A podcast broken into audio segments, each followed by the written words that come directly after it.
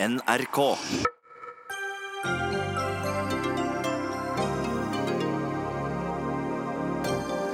Bildet av en gruppe på ni menn som skulle forhandle om statsbudsjettet i helgen, gikk som en farsott på nest. På nett. For dumt, sa Arbeiderpartiet. Falske nyheter, svarer Høyre. Ap og KrF sier de vil fjerne bompengestasjonene, men kun for å erstatte dem med noe annet, nemlig satellittbasert veiprising, der folk skal betale for strekningen de kjører. Fly med god samvittighet, oppfordrer forsker. Flyr ikke du, gjør uansett noen andre det. Nei, nei, nei, protesterer en som har forpliktet seg til å velge tog fremfor fly. Og bør værvarslerne på fjernsyn endre språket for å gjøre seg forstått? Det mener en tekstforfatter som vil at værvarslerne skal bruke ord og uttrykk folk faktisk forstår.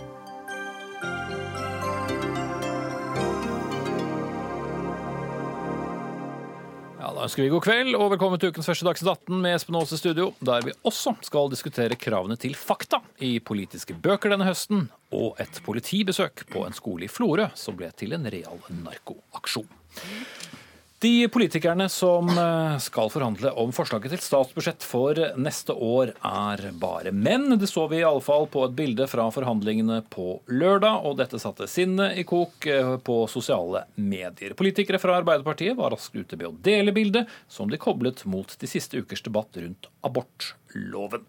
Og Hege Haukeland Liadal, stortingsrepresentant for Arbeiderpartiet, du var en av de som reagerte på denne budsjettforhandlingen, eller i hvert fall deltakerne der, og tok et bilde ut fra nyhetsreportasje vi viste her i Dagsrevyen. Hvorfor det? Jo, det gjorde jeg først og fremst fordi at jeg ikke syns det er greit at en av de fremste utvalgene vi har for utøvelse av politikk og budsjett, at det utelukkende er menn som sitter i det utvalget. Og jeg mener at når man eh, inviterer finanspolitiske talspersoner og KrF til samtale, oppdager at her sitter det ni menn rundt bordet, så burde man ringt en venn, en god kvinnelig kollega i et hvert parti og sørge for at det var mangfold i det utvalget. Det er tross alt eh, viktig at eh, kvinner og menn er med i budsjettforhandlingene. Vi vet at premissene legges der for både budsjettprioriteringer, men ikke minst politikk. Eh, en av forhandlingspersonene sa til NRK lørdagskveld nå ser vi på mulighetene for å eh, hvor mye vi klarer å øke barnetrygden med. Så dette gjelder barn, ungdom, kvinner og menn, og vi må være representert. Men eh, det du skrev eh, på Facebook var 'sjekk hvem som skal forhandle om vår fremtid'. Alvorlig talt, dette er for dumt. Spesielt når vi vet kvinners rett til å bestemme over egen kropp er et av de viktigste temaene. Men var det det, da? Var det ikke en budsjettforhandling? Jo, men i budsjettforhandlingene så handler det òg om kvinnehelse, vil jeg håpe og tro. Eh, det handler om prioriteringer. Det handler om å vise at Norge er et likestilt land, der kvinner og menn har like mye makt. Jeg er enig med de som sier at det er flott at vi både har en kvinnelig stortingspresident, at vi har kvinnelig statsminister og finansminister, men det legitimerer ikke fraværet av at kvinner ikke skal få lov til å være med å sitte i budsjettutvalget som de øvrige regjeringspartiene har satt ned. Der burde det ringt en bjelle. Og jeg mener at det gjorde vi lørdagskveld. At jeg da trekker slutningen til at dette handler om kvinnehelse, det mener jeg er riktig. Men så ser jeg òg, ut ifra debatten som har pågått, at mange har dratt det enda lenger. Mm. Det kan jeg beklage hvis at jeg er med på å, å, å sette i gang den diskusjonen. Men for meg er likestillingsprinsippet okay. kjempeviktig. Heidi Nordby Lunde, stortingsrepresentant for uh, Høyre. Uh, ble du i fyr og flamme da du så de ni herrene som satte seg rundt bordet på lørdag, eller var du imponert over kjønnsfordelingen? Jeg er jo egentlig litt enig i at det bildet savner kvinner. Og jeg er ærlig talt kjempeglad for at jeg bor i et land hvor eh, jeg som kvinne eh, får se den reaksjonen. fordi at dette her er helt unikt i internasjonal eh, sammenheng. At noen faktisk reagerer på at det bare er menn som sitter i et rom sammen. Men så er det også internasjonalt oppsiktsvekkende at på dette bildet, i forhandlingsøyemed, så er, tror jeg gjennomsnittsalderen kanskje er godt under 40. Det sitter en homofil mann, det sitter en liberal muslim og skal diskutere statsbudsjett statsbudsjettet med en, en ja, verdikonservativ delegasjon fra, fra KrF. Mm. Det tror jeg også ville vakt oppsikt i internasjonalt sett. Men de som har lagt fram statsbudsjettet, heter jo Erna Solberg, Siv Jensen og, og Trine Skei Grande. Hadde dette vært regjeringsforhandlinger f.eks. med eh, KrF og venstresida, så hadde jo forhandlingspartnerne hett Jens, Trygve og Audun. Mm. Men eh, en av rådgiverne i ditt parti og flere av dine stortingskolleger har jo også retweetet eh, der det ble skrevet at dette var fake news. Syns du det var fake news? Ja, det, er, det, blir helt feil å trekke slutningen som eh, Hege Liadal gjorde, om at dette her er de som skal eh, forhandle om regjeringsplattformen, herunder ha samtaler som, som berører bl.a. også kvinnehelse og abortspørsmålet, som er aktuelt i, i, disse tider, det er fake. Men jeg er litt lei av at vi hele tiden skal dra det fake news-kortet. Jeg syns at vi kan diskutere sak. For så alvorlig var det ikke? Nei, altså, nei jeg, jeg, tror nok at noen, det har gått litt hett eh, hos noen stortingsrepresentanter hos Arbeiderpartiet, som det har med å gjøre på en eh, lørdag kveld. Og så har de påpekt noe som er helt riktig, nemlig det at man burde jo, eh, med all respekt, ha kvinner i rommet også når man skal diskutere eh, budsjettforhandlingene.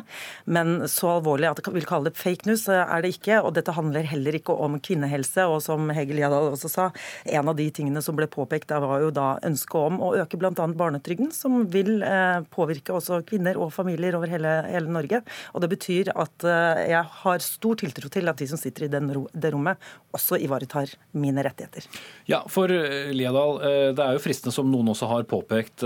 Du kunne jo like så godt ha lagt ut et bilde av partilederne på, på venstresiden og fått det ganske mannetungt eh, der også? Det kan jeg godt gjøre, men da skal jeg love deg én ting. Og det er at det hadde blitt ramaskrik hvis Jonas Gahr Støre hadde stilt alene med f.eks. to andre menn. Så det hadde faktisk ikke gått hos oss. Og det er jeg veldig glad for, og det er jeg veldig stolt over. Og det er kamper vi tok for mange tiår siden. Og derfor tror jeg, nettopp derfor, at reaksjonen blir såpass eh, stor når man ser at noe så viktig som landets statsbudsjett skal forhandles mellom ni menn. Det, det, der tror jeg essensen ligger i kritikken som, som kom fram. Og, og, jeg mener jo, eh, i likhet med Heidi Nordby Lunde, at det er fint at vi har kvinnelig eh, toppleder i Norge, men det legitimerer ikke fraværet. Og så har jeg lyst til å si en siste ting. Ja, det og det er det at nå gjenstår det jo syretesten på hvem som skal forhandle om regjeringsmakt. For hvis min spådom stemmer, så blir det to tredjedeler menn og en tredjedel kvinner som kommer, som gjenspeiler partigruppene til regjeringspartiene på Stortinget i kombinasjon med KrF.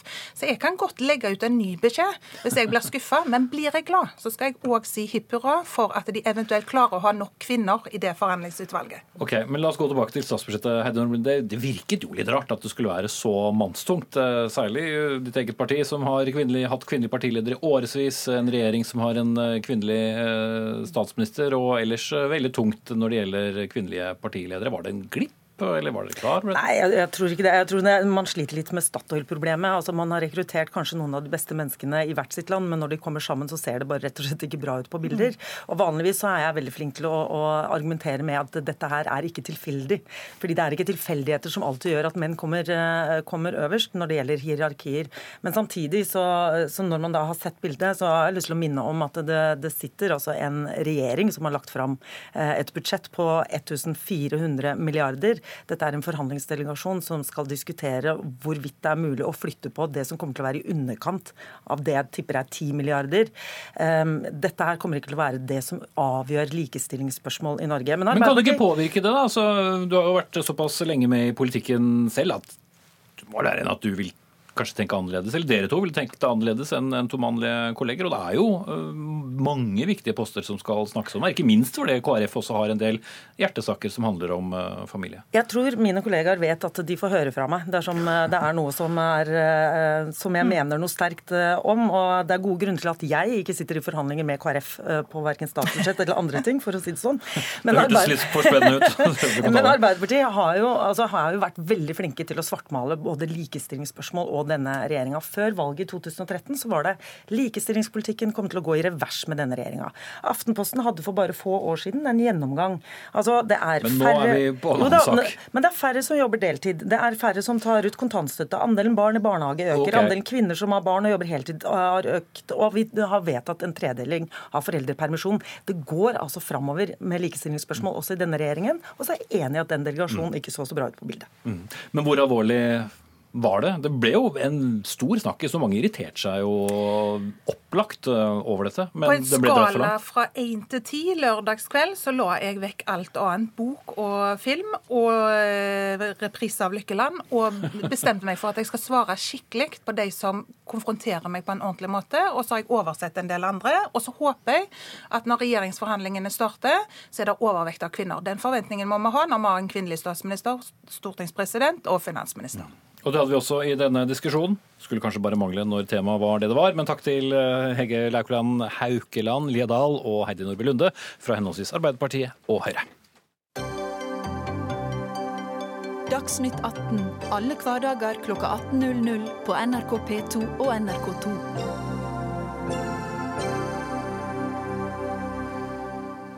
For dem som har eh, fulgt med i nyhetene i høst, så vet dere det at det har jo ikke akkurat manglet på debatter og reaksjoner rundt bomringer, enten det har vært på Vestlandet, Østlandet eller Midt-Norge eller eh, andre steder.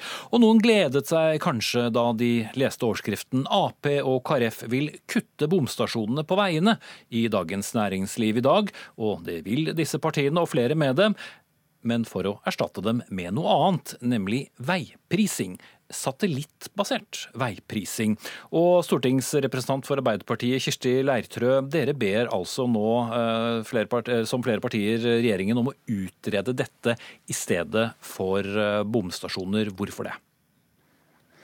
Det er fordi at vi nå ser at når vi har passert over 10 milliarder i innkreving i bompenger, og 48 milliarder i bilavgifter, og vi skal nå klimamål innen 2025, og teknologien spiller på lag med oss, så ønsker vi at eh, vi skal erstatte eh, det her med eh, veiprising.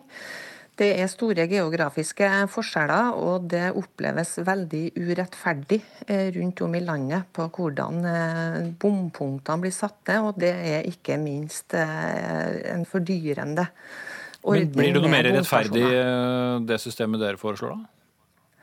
Det vil det bli, fordi da baserer vi oss på geografi, på miljøegenskaper og på takster som varierer over døgnet. Så altså det blir en mer spesifisert avgiftslegging, da, hvis jeg forstår deg riktig, ut fra hva slags bil eh, du kjører og hvor du kjører. Det er korrekt. Morten Stordalen, stortingsrepresentant for eh, Fremskrittspartiet. Ja, var dette en god idé? Nei, Jeg må si jeg er eh, ganske skremt, særlig når Arbeiderpartiet fremmer et sånt forslag. Arbeiderpartiet har dessverre en dårlig historikk når det gjelder avgifter og bil. Eh, Arbeiderpartiet var med og innførte bompengeordning i Norge. Eh, Dere administrerer den. Og når Arbeiderpartiet snakker om 10 milliarder i bompenger årlig, ja det er mange år siden man passerte det taket. Eh, Når Arbeiderpartiet nå sier at de vil innføre en ny ordning, de kaller det mer rettferdig, så betyr det at de innfører en bompengeavgift på veier som er gamle og heller ikke skal gjøres noe med i framtiden. Og i tillegg eh, når, hvordan vet du at det er det de gjør? Jo, fordi at veiprising betyr at du betaler per kjørte kilometer. Og det betyr at sånn som bompenger i dag, så betaler du for den veien som skal bygges, eller er bygd og er ny. Eh, Når vi innfører veiprising, så betyr det at de innfører en bomavgift på veier, alle veier du kjører på i Norge. Man smører tykt over hele landet. Det betyr at de som bor i distriktene, kan risikere å betale en bompengeavgift for en vei de aldri vil få. Det er distriktsfiendtlig, og ikke minst så er det fiendtlig for småbarnsfamilier. For når Leiterød snakker om at man kan ha en eh, forskjellig pris forhold til tida døgnet du kjører, hvilken type bil du kjører, så betyr det at det barnefamilien som har dårligst råd som regel, har den eldste bilen, skal betale mest med Arbeiderpartiets opplegg. Ja, hvordan svarer du på det, tror jeg?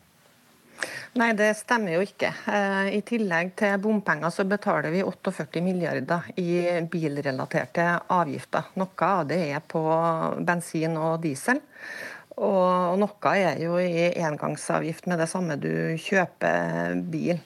Eh, det er korrekt at det er store geografiske forskjeller, men det er det vi ber om en eh, utredning på. Det som er viktig for oss, og som vi har fremma i forslaget, det er at dagens avgiftssystem skal erstattes av veiprisning. Det skal ikke komme som et tillegg til, men i erstatning for Jo, men For å ta opp det som Stordalen peker på, da, er det en uh, mulighet da for at noen som bor ved en uh, ganske råtten fylkesvei, som uansett ikke kommer til å bli utarbeidet, kommer til å betale mer for å kjøre på den strekningen, mens uh, kanskje noen som kjører på en flott firefelt utenfor en av landets storbyer, vil komme bedre ut av det? Nei, altså De betaler allerede i dag en avgift i form av eh, bensin- og, og dieselavgift. Sånn at det er ikke hensikten at det skal bli, eh, bli slik, men at den da eh, tar også geografiske hensyn. Det er altså Bompengestasjonene i dag er allerede veldig urettferdige både for småbarnsfamilier og de med dårlig råd. Det er nettopp det som er poenget med det her. at du skal få en mer rettferdig ordning, mener vi. Forurenser skal eh, betale, pleier vi å si her i landet, ved å differensiere hva slags bil du kjører, hvor tung den er, utslippene. Er ikke det mer rettferdig i Stordalen? Det er godt mulig at noen mener det, men det er altså noen som, kan, som ikke kan velge å kjøpe ny bil, som ikke har råd til det. Eh, og Fremskrittspartiet er opptatt av folk flest. Eh, og det er nok skattlegging fra før av avgiftsbelønning på bil. Derfor så har Fremskrittspartiet i regjering redusert bilavgifter betraktelig siden de kom i regjering. Eh, vi reduserte også bompengeandelen. og Hvis Arbeiderpartiet nå fremstår som om det later som de er mot bompenger og syns det er for høyt, så er det merkelig at Arbeiderpartiet stemmer imot hver gang i Stortinget når regjeringen og Fremskrittspartiet fremmer forslag om å redusere bompengeandelen. Det viser seg også med de årlige statsbudsjettene. Eh, når en halv milliard går til reduksjon i bompengeandel, så stemmer Arbeiderpartiet imot. Ok, Men eh, en annen ting som vi må nesten innom her også, Leitrø, som eh, jeg vet mange er opptatt av. Fordi når jeg kjører fra A til B, så vil jo det da med dette systemet bli målt. Hva med personvernet oppe i dette? Vil nå alle strekninger jeg til enhver tid kjører med bilen min, bli lagret et eller annet sted? Eh, det, Datatilsynet har jo sagt at de er skeptiske, men de avviser ikke et sånn type system. Altså det er litt med hvordan du gjør det. Om du da lagrer den eh, veiprisninga eller GPS-overvåkninga lokalt, og at du bare overfører de dataene du trenger til den som skal utstede regninga for det du kjører. Så teknologien er jo med oss.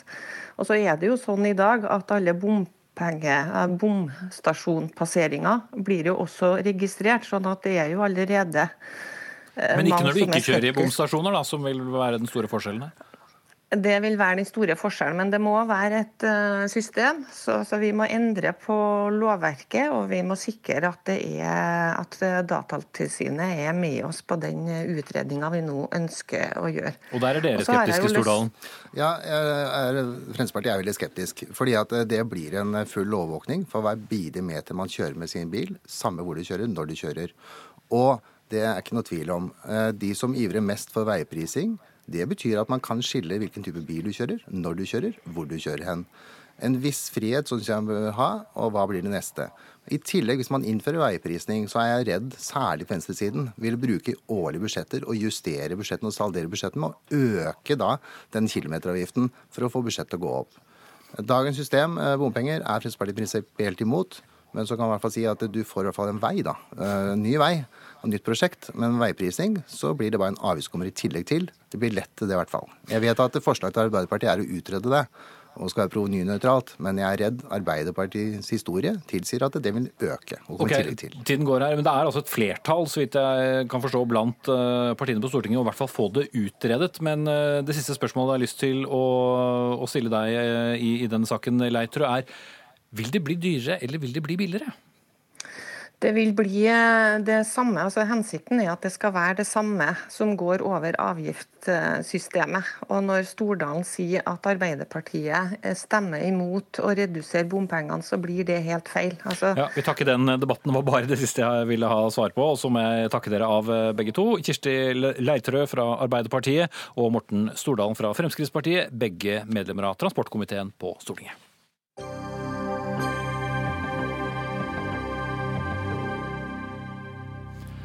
Og det skal bli mer samferdsel eh, og mer forurensing. For er du en av dem som har blitt skremt over eh, klimatrusselen og tenkt på hva du selv kan bidra med, f.eks. ved å legge ferien til et sted der du og familien kan ta toget i stedet for å fly? Vel, det kan du bare slutte med, iallfall hvis du skal tro Lasse Fridstrøm, forsker ved Transportøkonomisk institutt, TØI. For i en ytring på NRK så skriver du at vi kan fly med god samvittighet, for flyene de går uh, uansett. Er det et godt argument? Ja, jeg syns det. Altså, Jeg har ikke noe imot at folk uh, prøver å leve miljø- og klimavennlig. Det jeg har sterkt imot, er forestillingen om at løsningen av klimaproblemet er et spørsmål om enkeltpersoners uh, handlemåte og moral. Og forestillingen om at vi kan komme noen vei med dette problemet ved å appellere til den enkelte samvittighet. Det er rett og slett fake news, etter min mening. Mm. Anne Bakken Risse, leder av Framtiden i våre hender. Du har sågar gått ut offentlig og sagt at uh, dine turer i fremtiden de skal kun gå på skinner, iallfall til vi har elfly. Men uh, det hjelper jo ingenting mm. at du tar toget? Altså, Vi kan ikke legge opp til at klimakrisa skal løses ved at enkeltindivider tar gode miljøvalg i hverdagen sin. Men samtidig så vet vi at det er ikke bærekraftig å spise kjøtt seks dager i uka eller å fly fem ganger i året. Og med det som bakteppe så må vi også kunne stille oss spørsmål om måten vi lever på er bærekraftig. Og Ifølge FN så skal vi altså halvere utslippene i løpet av de neste tolv årene. Jeg har gått i meg sjøl, og så har jeg sett på mitt fotavtrykk. Og jeg ser at mitt eget fotavtrykk det er på rundt ja, mellom 10 og 14 tonn CO2 per år. Vi vet at hvis vi skal Men reduseres det hvis du tar tog i stedet? For flyet går jo uansett. Vi vet at hvis vi skal hvis vi skal ned på et bærekraftig nivå, klare å begrense global oppvarming til uh, gjerne under 1,5 grad, så må hver enkelt av oss sitt fotavtrykk være på et sted mellom 1,5 til 2,5 tonn. Da må jeg gå i meg sjøl og spørre er måten jeg lever på bærekraftig, eller bør jeg ta noen grep? Jeg vet i hvert fall hva mitt svar på det er.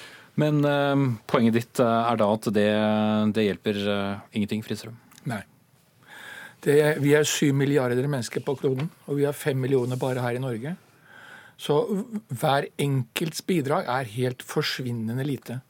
Det betyr at det eneste som kan bidra til å løse dette problemet, er tunge strukturelle grep beslutninger pattet på høyt, høyt, politisk nivå, og faktisk ikke bare nasjonalt nivå, men internasjonalt. Begrenser rett og slett flytrafikken? Si at det ikke er lov ja, til å ha flere avganger ja, i døgnet? Eh, tiltak som gjør at det ikke blir så attraktivt å fly, ja. Mm. Så det er bare litt sånn selvmoralisme, det som eh, mange sier ved at vi skal fly mindre? Jeg ser slik på det, ja. Og det verste med det er at eh, befolkningen indoktrineres til å tro at det er dette som skal til vi leder oppmerksomheten vekk fra det som faktisk trengs, som er tunge strukturelle tiltak. Mrise. Vi er helt enige på at det er politikken som må legge rammene for, og som må sørge for den nødvendige omstillinga til lavutslippssamfunn som vi trenger. Men kommer politikerne våre til å tørre å ta de modige og helt nødvendige grepene og stramme inn klimatiltakene så det virkelig nytter, hvis de ikke ser at de har folkelig oppslutning og støtte i befolkninga for det? Men da må det være veldig mange, da? Det må være mange, men vi har sett ganske mange eksempler på at det funker. Ta f.eks. det enorme folkelige engasjementet vi har sett for plast det siste året. Hadde det ikke vært for det engasjementet, så hadde vi ikke fått på plass en rekke ulike tiltak og en Høyre- og Frp-regjering som nå utreder om de skal innføre et forbud mot engangsplast. Altså, Jeg har hørt mange kallenavn på Frp, men jeg har aldri hørt noen kalle Frp for forbudspartiet. Det hadde ikke skjedd hvis det ikke var pga. det folkelige engasjementet. Så vi må må vise politikerne våre at vi er med på klimadugnaden for å gi dem et mandat til nødvendige okay. klimatiltak. Frise. Ja, plastproblemet er et kjempeproblem, og det er utmerket med folkelig eh, mobilisering på det punktet, som får politikere til å agere. For politikerne gjør ikke noe annet enn det velgerne ønsker i et demokrati. Nettopp! Og da må de se at de har oppslutning blant velgerne sine. Derfor er det så viktig at vi er mange som avstår fra å ta fly til Stavanger og Bergen og Trondheim, der det faktisk finnes alternativer, men heller velger tog. Men det riktige er vel kanskje snarere Fridstrøm, i det det er mange nok som ikke lenger flyr, slik at f.eks. SAS, Norwegian og andre vil da si nå reduserer vi antall avganger til jeg vet ikke, Bergen, Bergen, hvis noen London milliarder mennesker flyr mindre, så virker det. Men du får ikke noen milliarder mennesker til å fly mindre ved å appellere til den enkelte. Nei, det, det er jeg selvfølgelig helt enig i. Ja. Og, og vi er enige på strukturene her, men jeg reagerer jo også på at du uh, får det til å framstå som om flyreiser ikke er etterspørseldreven. Altså, Jo, men Han er vi- vel enig i det, men han sier at det må mange milliarder til for at det skal ha ja, noe å si. det, altså, ta eksempel eh, hvem som eh, har eh, flyturer ned til eh, Stavanger. Altså Tidligere så hadde Air France og Lufthansa rute ned dit etter eh, krasjet, som selvfølgelig handler om at en næring eh, ikke lenger er like sterk som den var før. Men så har man lagt ned de flyrutene. Hvis det er mange nok som avstår fra visse turer, eh, fra Norge, og der trenger du ikke milliarder, men da trenger du en del, eh, så, så kan man selvfølgelig vise politikerne eh, våre at det er interesse for og det er støtte for eh, alternativene. Og ikke minst, vi trenger jo at flere tar tog, sånn at politikerne kan få et, til, et påskudd for å faktisk sørge for den satsinga på tog som vi trenger her i landet. Fridstrøm. Ja, nei, Jeg tror ikke det er det som trengs. Det som trengs etter mitt skjønn, er eh, strenge reguleringer og bruk av økonomiske virkemidler, avgifter, kvoter. Nå er det slik at flytrafikken i EØS-området allerede er kvoteregulert. Så det vi egentlig burde rette oppmerksomheten mot, er den interkontinentale trafikken. Nå har jo faktisk regjeringen foreslått en avgift på de flyvningene på 200 kroner fra neste år. Det er en sped begynnelse til noe som kan bli et brukbart virkemiddel. Men et stort problem her er jo at uh, de interkontinentale reisene og utslippene derfra kommer ikke inn i noe lands klimaregnskap. Ikke Norge, så ikke noe annet land heller. Sånn at det er på en måte ikke noe politisk gevinst i å redusere disse utslippene. Men det er ganske viktig, for flytrafikken vokser i voldsomt tempo. Og ennå så er ikke eh, det latente potensialet for økt flytrafikk fra Asia i nærheten av å være utløst. Så det eneste du sitter igjen med, Anne Bakken Risse, det er eh, god samvittighet og veldig lang vei til ferie? Du, Jeg kom nettopp fra en, en liten hverdagsferie i Larvik på en eh, to timers togtur. Det var veldig fint, det òg, kan anbefales for veldig mange. Men altså, eh, jeg syns det er veldig merkelig å avskrive et personlig ansvar her. Eh, og så er det at Vi er helt enige om hvilke tiltak som behøves, og at det er de strukturelle grepene og modige politikere. Men jeg tror at modige politikere trenger et folk i ryggen som viser at de er villige, og som de heier på dem. Vel, øh, da sier jeg takk til dere. og Kanskje hadde ikke dere kommet hit begge to for å diskutere dette kveld, så hadde noen andre kommet for å diskutere, men i hvert fall kanskje ikke samme sak. da. Lasse Fridstrøm øh, ved Transportøkonomisk institutt og Anne Bakken Riise, leder i Framtiden i våre hender.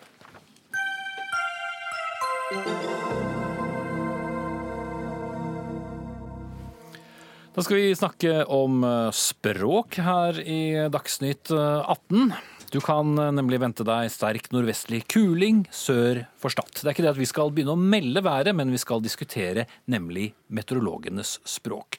Ord som kuling, nordvest for Stad og bygevær er begrep vi har hørt i mange tiår fra værmelderne men som vi sjelden bruker selv. For selv om nordmenn er verdensmestere i å snakke om været og er over middels interessert, så har våre værvarslere stort sett benyttet seg av det samme vokabularet i over 50 år. Og Anders Ryen Eidem, du er tekstforfatter og har skrevet en ytring her på NRK hvor du reagerte på språkbruken til værmelderne. Hva, hva er det som plager deg mest? Først så vil jeg si at det er artig at eh, NRK tar innlegget mitt på alvor. Eh, Det var jo skrevet med humor og satt på spissen. Ja, bare Eh, eller? Men jeg syns jeg har et på... Nei, ikke bare tull. Jeg syns det var et poeng der òg. Jeg ser ikke ofte på værmeldinga sjøl, men jeg hadde gleden av å se innom en dag her, og da opplever jeg at det språket som brukes, det er ganske så gammelmodig, eh, traust, eh, uten engasjement. Eh, og summen av alt blir eh, en opplevelse som, der du sitter igjen med Hva var det egentlig jeg så nå? Hva syns du har vært eh, måte vanskeligst eller rarest når du har hørt på værmeldingene? Eh, de geografiske inndelingene eh, er jo likedan som jeg husker dem for eh, 25 år siden. Eh, men òg at man skal eh, få med absolutt alt av eh, innretninger, og man bruker eh, bare fagspråk.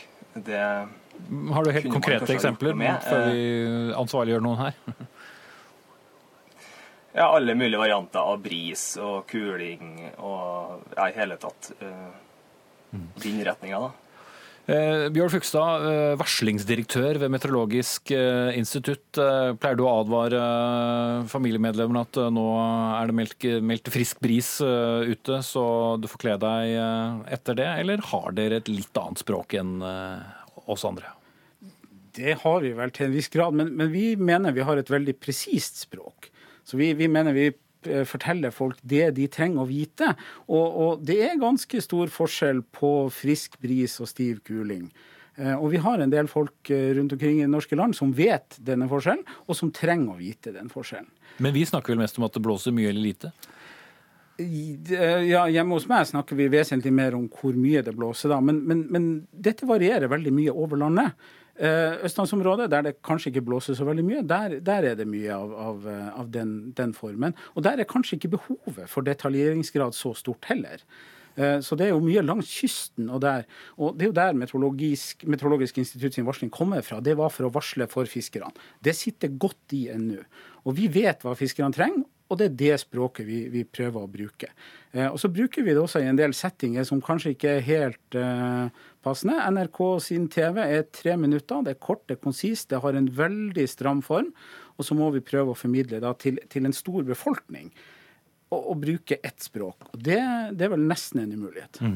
Ja, Eidem, dette er jo, dette er jo et fag. Eh, Dette er jo eh, kunnskap, og den må vel være så presis som mulig, selv om ikke den muligens passer inn for en tekstforfatter? Absolutt. Og jeg er, veld, jeg er veldig for uh, presise værvarslinger. Og uh, at man sier hvilken type vind det er meldt om, det syns jeg er viktig for uh, dem som har det som jobb, og avhengig av å vite det. Men man må jo kanskje huske på at de som ser på værvarslinga, er jo et bredt lag av befolkningen. Og NRK som allmennkringkaster eh, burde jo hatt eh, det som eh, bakteppe når man også melder været. Eh, så ja takk, begge deler, tenker jeg. Eh, det er det ekskluderende, det språket som brukes? For enkelte grupper så vil det jo være det. For dem som ser Dagsrevyen og værmeldinga, så er de kanskje vant til det fra før. Men hvis, man skal ha en ambisjon om å skaffe, få folk interessert i vær, så bør man kanskje legge om litt, da. Modernisere litt. Fugstad? Ja, vi gjør det. Eh, Vi, eh, vi tar f.eks. i bruk eh, Twitter. Der behøver vi ikke å snakke så veldig mye om den geografiske inndelinga, fordi at vi kan legge ved et kart som viser akkurat hvor vi varsler. Og kart på TV òg? Vi har kart på TV også, og, og NRK har også en, en, en, en, god måte å formidle dette på. Og de prøver også å sette liksom faresignaler der, det- farevarselskilt der det skal være, og slike ting. Men, men det er en kompakt ramme. altså Tre minutter er veldig kort tid når du skal si veldig mye over et veldig langt land med veldig mye forskjellig vær. Men noe av den geografiske inndelingen har jo alltid føltes litt uh, pussig. Hvorfor er Stad noe av det viktigste som er, hvor vel størstedelen av befolkningen ikke helt vet hvor det ligger, mens de kanskje ville visst hvor eh, Ålesund eh, lå, eller Mørekysten, eh, Langfjellene, eller Langfjella eh, kanskje, osv. Er det helt naturlige inndelinger av eh, vårt langstrakte land? For en meteorolog er det det. fordi at vi har Men vi som skal høre det? Ja, det, vi har jo brukt det veldig lenge. Jeg, tror Stad vet de aller fleste om liksom hvor vestlandskysten knekker oppover. Det, det, det tror jeg de fleste klarer å kjenne igjen på et kart. Dovre bruker vi også. Vi har en del slike inndelinger der, der eh, det er naturlige værskiller. Det er stort for, stor forskjell på været nord for Dovre og sør for Dovre. Og øst og vest for Langfjella og, og, og slike ting. Så en god del av disse begrepene vi har brukt, de, de henger igjen fra at det var et naturlig værskille. Så har vi brukt det så lenge at vi håper jo at det også sitter, sitter litt i. Men, men det må sies, disse, disse geografiske inndelingene det er vel kanskje der vi ser at vi har størst utfordringer. Og nå når vi skal slå sammen veldig mange fylker, så vil vi jo få nye utfordringer. For hvordan skal vi nå Tenk du skal melde været på Vestland, si. Ja, det blir jo et eh, problem for oss, dette her. Så dette må vi håndtere. Eide. Ja, altså, jeg verken eh, ønsker fordumming eller eh, at det skal bli sånn pludreværmelding, men jeg tror det går an å kombinere både et presist språk med et litt mer engasjerende språk. Og jeg syns at eh, værmelderen eh, kunne ha fått eh, anledning til å satt litt preg på, på værmeldinga også, med å, å bruke et språk man er komfortabel med. Vi, vi, jo, vi bruker Twitter, og der har vi jo til og med hatt meteorologer som har uttrykt seg på rim. Og fått, virkelig fått lov å bruke den kreativiteten som vi har blant våre, våre folk. Så vi prøver oss på de kanalene der det er en passende uh, form på det vi gjør. Uh, Dagsrevyen tror jeg vi skal være veldig forsiktige med å eh, ja. Du vil ha, du vil ha værmeldingen på rim, Eidem?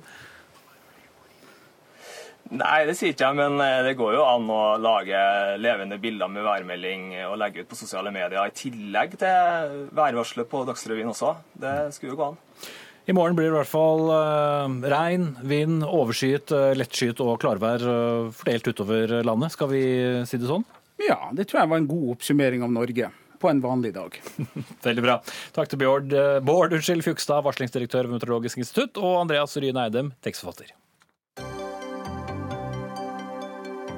Hør Dagsnytt 18 når du vil. Radio NRK NO.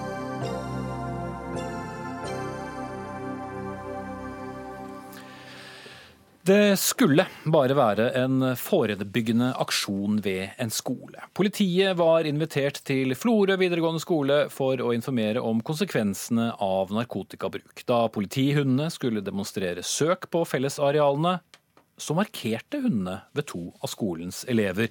Noe som førte til at politiet tok disse ungdommene med til politistasjonen og opprettet sak mot de to.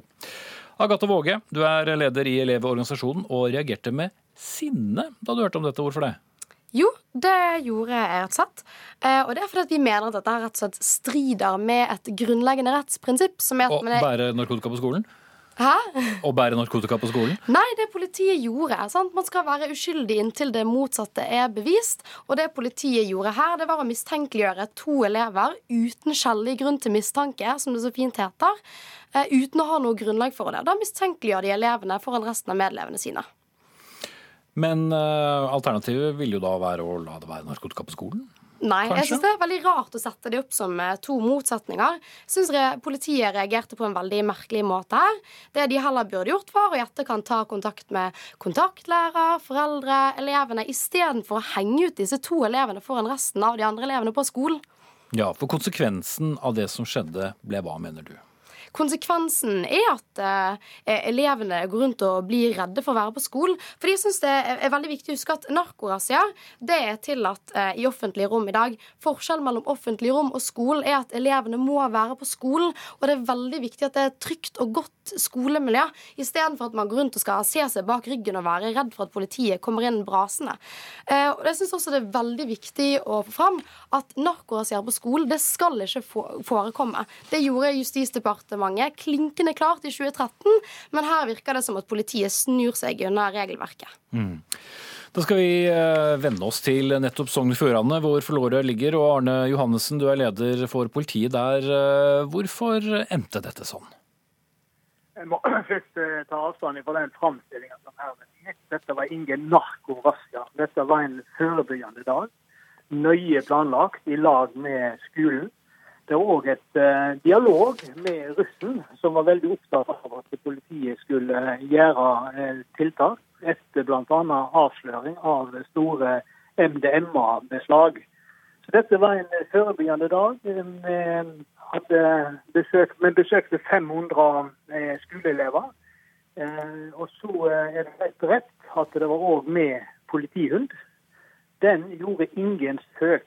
Den var med og skulle være i fellesareal. Ingen søk mot person. Men allikevel så gjorde han utslag mot to ungdommer. Og det er utfordrende. Det er jeg den første til å erkjenne. at Det viser et, en vanskelig grensedragning å drive et forebyggende arbeid samtidig å ha med en politihund som da varsler på to personer. Mm. Hva burde vært eventuelt gjort annerledes da? Nei, Nå er det klare retningslinjer for bruk av narkotikahund i forbindelse med sånne typer skolebesøk. Det har både Riksadvokat og Politidirektoratet gitt ut. Stortinget har òg sagt noe om dette i 2013 eh, i, eh, i vedtaket 485. Vi har holdt oss innenfor disse retningslinjene. Det som er tydelige retningslinjer, det er at eh, vi ikke skal søke direkte på person eller eiendelene til personer. Og det har vi ikke gjort. Eh, det vi som sagt gjorde, hadde med hund som var på fellesareal. Og så er det sånn da, at Denne hunden er faktisk eh, norgesmesteren, Norges beste politihund. Som har så god nese at han òg lukter, selv om ikke han søker direkte på personen. Jusprofessor ved Universitetet i Bergen, Hans Fredrik Martinussen. Du mener denne aksjonen var eh, ulovlig. Hvorfor det? Jeg er helt enig med Arne Johannessen i beskrivelsen av eh, regelverket som eh, ligger til grunn her. Både Riksadvokaten sine retningslinjer, eh, Justisdepartementet hva de har sagt, og stortingsvedtaket. Og Stortingsvedtaket sier faktisk at Stortinget ber regjeringen presisere overfor politiet at det må innhente skriftlig samtykke fra elever før det gjennomføres eventuelle personverninngripende narkotikaaksjoner ved skolene. Og når hundene først kjenner lukten, så er det klart at de går etter lukten og søker på person. Det er ikke til å unngå.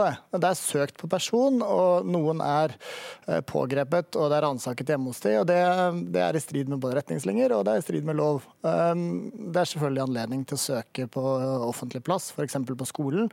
Men da etter at elevene er gått hjem. Dette handler om en helt sånn grunnleggende rettsvern for eh, norske skoleelever. Så rent praktisk skulle da politifolkene unnlatt å gjøre noe da politihundene reagerte? Det er et interessant spørsmål i seg selv. Jeg mener for det første at hunden i det hele tatt ikke skulle vært med på skolen i skoletiden når elevene er der. Eh, det er utgangspunktet. Og så er det noe sånn at disse hundene er ekstremt gode til å lukte. Eh, og Det må jo politiet ta høyde for, at da kan det bli treff på enkeltpersoner. Eh, likevel så er det sånn at en stor undersøkelse da politiet i Sydney fikk utvidede fullmakter til å bruke hund, viste at på 10 000 hundemarkeringer i offentlighet hvor man ikke hadde annen indikasjon, så ledet bare 24% til funn av narkotika. og Det kan være veldig mange grunner til det. Folk kan ha vært i kontakt med noen som bruker narkotika, de har ikke vært på en fest. Det er viktig å understreke at disse to elevene hadde faktisk ikke narkotika på seg, men det ble funnet brukerutstyr hjemme hos de. Eh, man kan ha sittet på et bussete hvor noen eh, har sittet før deg med narkotika i lommen. Altså, det er ekstremt mange feilkilder som gjør at man veldig sjelden finner, eller som regel ikke finner narkotika når hunden markerer.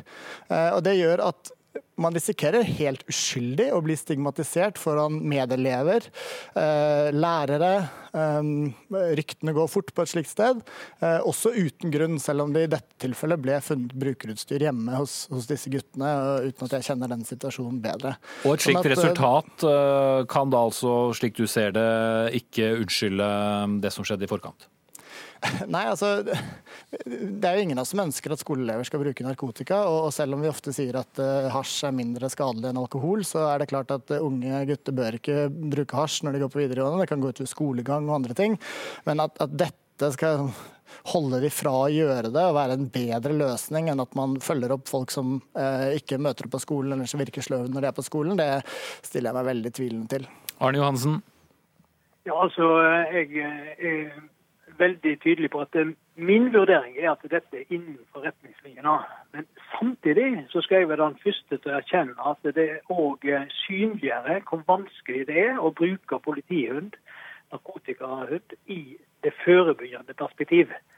Så det vi iallfall kommer til å gjøre, det er at vi kommer til å være mye mer tydelige på eh, grensedragning mellom det forebyggende arbeid, da uten hund, Eh, og selvsagt bruker hund kan gjøre det i forhold til andre situasjoner. Nå er det sånn at eh, Justisdepartementet etter denne debatten i Stortinget sa at det skulle gjennomføres en eh, undersøkelse på hvordan en bruker hund i det forebyggende arbeidet. Så vidt jeg vet, så er den undersøkelsen ikke gjennomført. Men, men, vi har uansett drøfta at vi kommer til å legge oss på ei litt annen linje framover. Selv om vi kommer til å holde oppe trykket på det forebyggende rusarbeidet. Eh, og det gjør vi ikke minst pga. lokalsamfunnene som eh, får problem, skoler som får problem. Og russen kommer altså òg til politiet og sier at de vil gjerne ha et aktivt eh, politi som i lag med elevene og forebygger eh, narkotikabruk. Ok, men bare La meg stille et spørsmål. For eh, Hva om det ikke var en skole dere hadde vært på? Si du hadde vært på jeg vet ikke jeg, i, i kommunen uh, og, skulle holdt en samme slags kampanje, og hun hadde reagert på en av de ansatte på kommunen eller på hvilken som helst arbeidsplass. Ville dere da også dratt hjem til de det gjaldt? Ja, utgangspunktet er at du kan søke i offentlig rom. Eh, det er fullt mulig. Eh, og Jeg eh, ser ikke veldig stor forskjell på de to situasjonene, men, men det er sånn at du skal ha en hjemmel selvsagt, for å ransake en person. Du skal ha hjemmel for å reise hjem. Den hjemmelen hadde vi. Vi fikk da løyve av politijurist til ransaking. Det er derfor jeg sier at det som er gjort i denne saken, det vurderer jeg som godt politiarbeid innenfor de retningslinjene som gjelder. Men det er alltid tolkningsmulighet, og jeg har stor respekt for det som jusprofessoren eh, legger fram.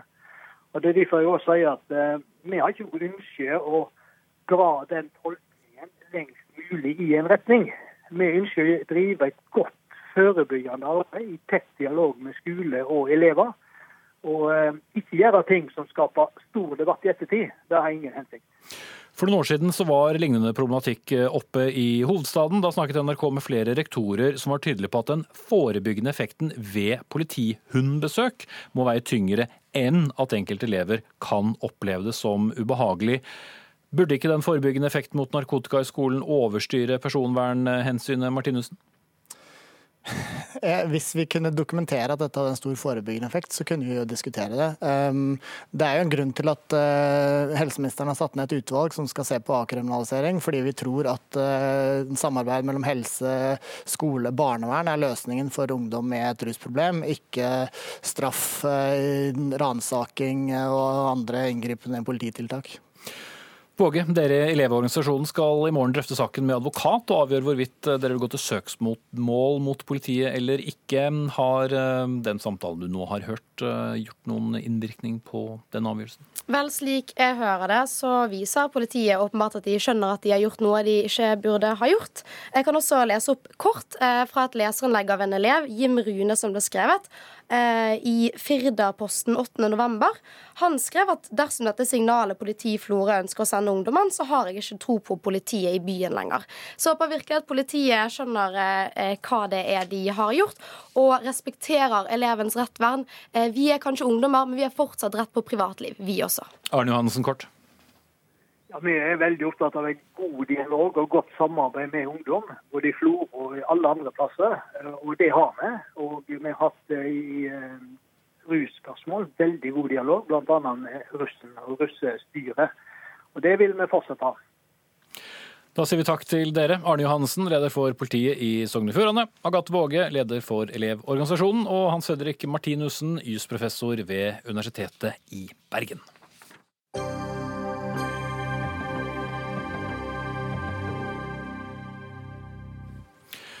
Hvor mye tøys er det egentlig plass til mellom to permer? Ja, dette spørsmålet stiller kommentator i Bergens Tidende, Jens Kiel, med en satirisk tone i en kommentar som ble publisert i nettopp BT i helgen. Han langer bl.a. ut mot de nye bøkene til Per Sandberg, Sylvi Listhaug og Knut Arild Hareide. Også boken eh, om Arbeiderpartiet er inkludert, og skriver at bøkene er politikernes røykehjørne, et fristed sted fra journalister, meningsmotstandere og faktasjekkere. Og Jens Kiel, hva, hva er det som gjør disse bøkene så elleville? Altså, de er uetterrettelige. De har en uredelig debattform, og de er også delvis usanne. De inneholder en haug med enkeltopplysninger som eh, ikke stemmer, eller som er eh, veldig eh, ubalanserte. Og ved å gi det ut i bok, så slipper de de kritiske innvendingene som journalistikken ville ha gitt dem. Og Vi kan jo ta noen eksempler. Fordi når f.eks. Eh, Listhaug i sin bok skriver at Jonas Gahr Støre mener at han skulle ta Frp for at Breivik en kort periode var medlem av partiet. Eller at Lysbakken dro til Lesbos for å vise hvor godt et menneske han var. Eller skriver at Frp er det største partiet på Sunnmøre. Eller at Frp har en langt mer kritisk holdning enn Høyre til EU-direktiver, når de vel bare har stemt mot én gang, og det var datalagringsdirektivet. Eh, eller skriver at hvis man skal tro feministene, så er det sånn at hver gang en mann plystrer på deg, så er det en form for overgrep. Så er det jo sånn at man får liksom behov for å spørre hvorfor gjør forlagene dette? Hvorfor gir de ut bøker med så mye rare og feilaktige og svake og ubalanserte opplysninger? Hva skulle de ha gjort da, Kiel?